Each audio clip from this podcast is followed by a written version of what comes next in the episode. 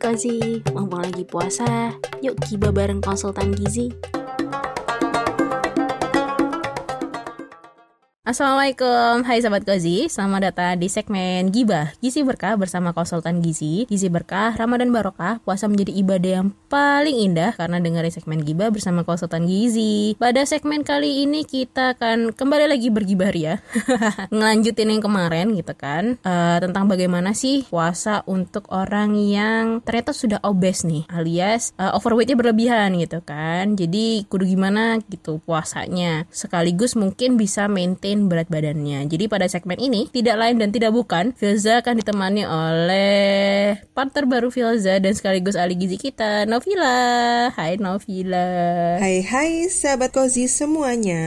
Jadi kita akan bahas nih kak gimana sih pengaturan puasa -hmm. untuk orang obesitas atau gizi lebih. Beda apa sama nih? Apa berpikirnya pada namanya juga puasa ya bakal turun lah. Nah, itu Phil. Jadi banyak sekali gitu kan ke kesalahpahaman gitu. Apakah puasa tuh selalu menurunkan berat badan apa malah naik gitu kan? Nah, itu. nah mungkin sahabat kosi udah dengerin beberapa podcast kita gitu kan terkait apakah puasa sama dengan diet gitu di awal-awal kita gibah yang season 2 gitu. Nah, kalau udah sempat kita bahas juga dan kita kupas tuh arti diet sebenarnya ya kayaknya harus diluruskan dulu ya Phil ya. Dikatakan obes -hmm. atau gizi lebih itu sebenarnya gimana sih gitu. Ya, ini kena fenomena ini kak dikit-dikit tanya nih aku gendutan nggak kak aku gendutan ya padahal kalau dihitung IMT-nya ini normal oke okay. jadi indeks massa tubuh ya yang kita maksud nih iya benar jadi dikatakan obesitas mm -hmm. atau berat badan lebih nih kak mm -hmm. jadi jika indeks massa tubuhnya mm -hmm. atau IMT-nya tadi jadi kan berat badan dan tinggi badannya nih mm -hmm. kalau dihitung itu di atas 25 itu udah tergolong okay. overweight atau berat badan lebih mm -hmm. nah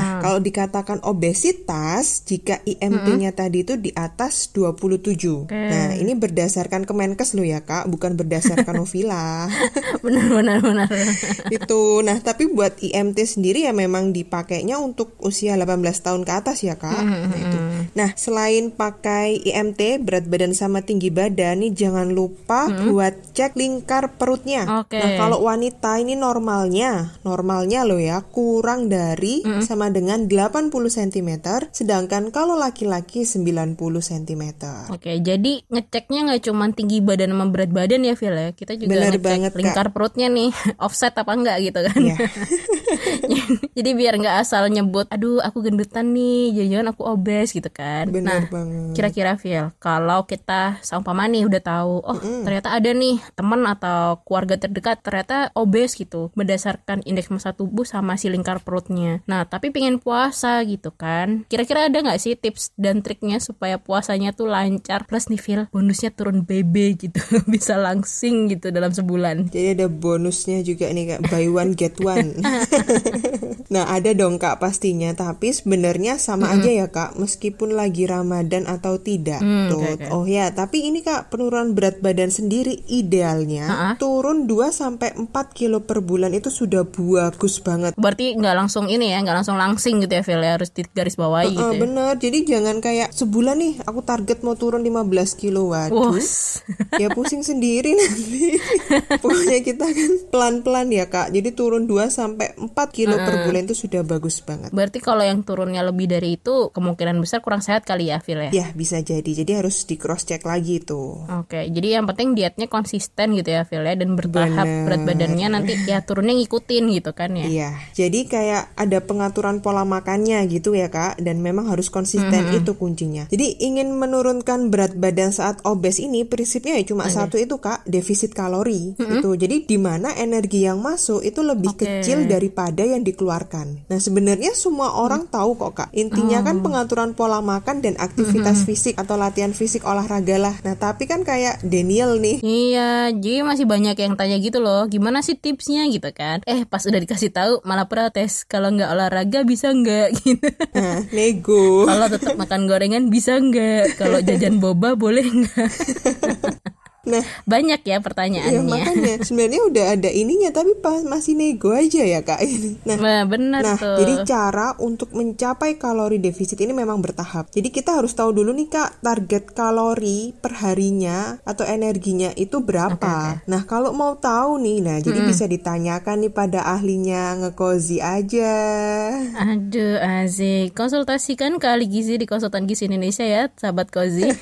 Promo, dong ya. Se- Selain itu Kak, tak salah tak bukan tak lain juga harus bisa mengontrol nafsu makannya. Itu. Jadi dari pemilihan jenis makannya juga yang tinggi lemak dan tinggi gula ya otomatis harus di skip dulu nih, dihindari dulu. Nah, banyak banget kok Kak menu yang bisa di mix and match jadi Oke. enak tapi kalorinya masih aman. Oke, jadi ingin lihat penurunan berat badan tapi makan enak, sahabat Kozi? Konsultasikan di Konsultan Gizi Indonesia. Iklan lagi. Permisi. Misi iklan Lanjut, Wil, Kak. lanjut, Wil. nah emang sih kak kan kalau kayak gitu memang benernya itu ya memang harus tanya ke ahlinya bukan hanya kayak googling sendiri aja karena setiap orang kan berbeda-beda ya kak nggak bisa disamakan di Ya, Google itu kebutuhannya beda-beda ya. Bener banget. Ah, Phil, lanjut aja Phil sebelum saya dihujat sahabat Kozi. Jadi kalau obes nih atau berat badannya lebih ini bisa menggunakan model piring makan T kak, Oh, bentuk oke. huruf T. oh, bentuk huruf T gitu ya? Ya benar. Jadi Hmm. piring makan kita nih bulat nih kak, bentuknya bulat kan. Nah jadi setengah piring itu diisi dengan sayur dan buah-buahan. Oke. Nah kan tinggal setengah lagi nih. Ya, Nah ha. itu dibagi dua.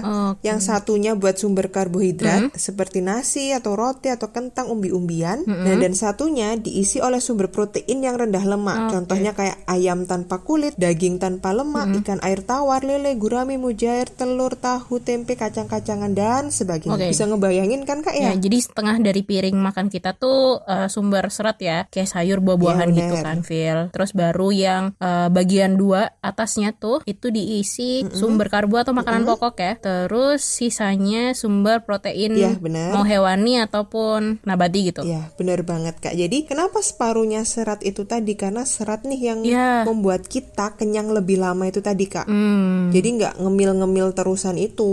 Nah, itu oke. oke, Selain oke. itu, jangan lupa juga untuk latihan fisik atau olahraga yaitu tetap harus stay aktif. Oke, udah satu paket ya, sepasang ya, nggak bisa dipisahin sahabat Kozi. Udah dua si Joli itu. nah, ini buat olahraganya apa? Nah, buat olahraganya itu bisa disesuaikan dengan kondisi masing-masing individu. Kalau memang obesitas, nah itu tidak disarankan untuk olahraga seperti yang kayak loncat-loncat.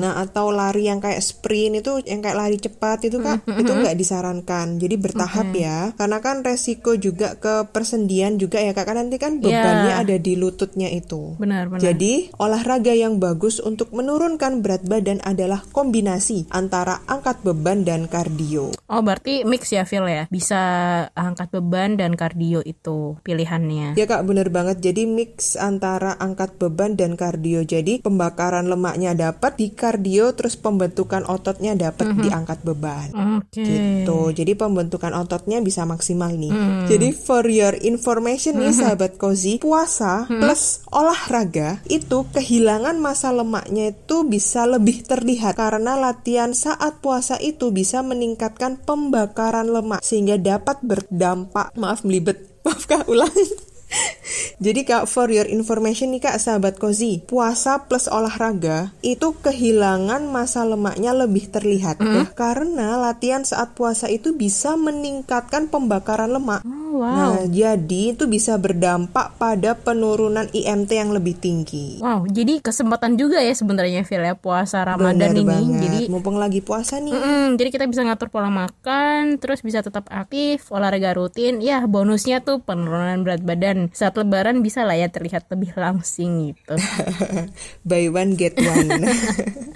Bener banget kak. Jadi pengaturan pola makan dan olahraga itu memang tidak bisa dipisahkan ya untuk menurunkan berat badan dengan kondisi yang obes tersebut. Nah, sahabat gue sih penasaran nih Fea. Kira-kira nih, olahraga apa sih yang aman gitu kan pada saat puasa? Kayak dibahas di episode selanjutnya.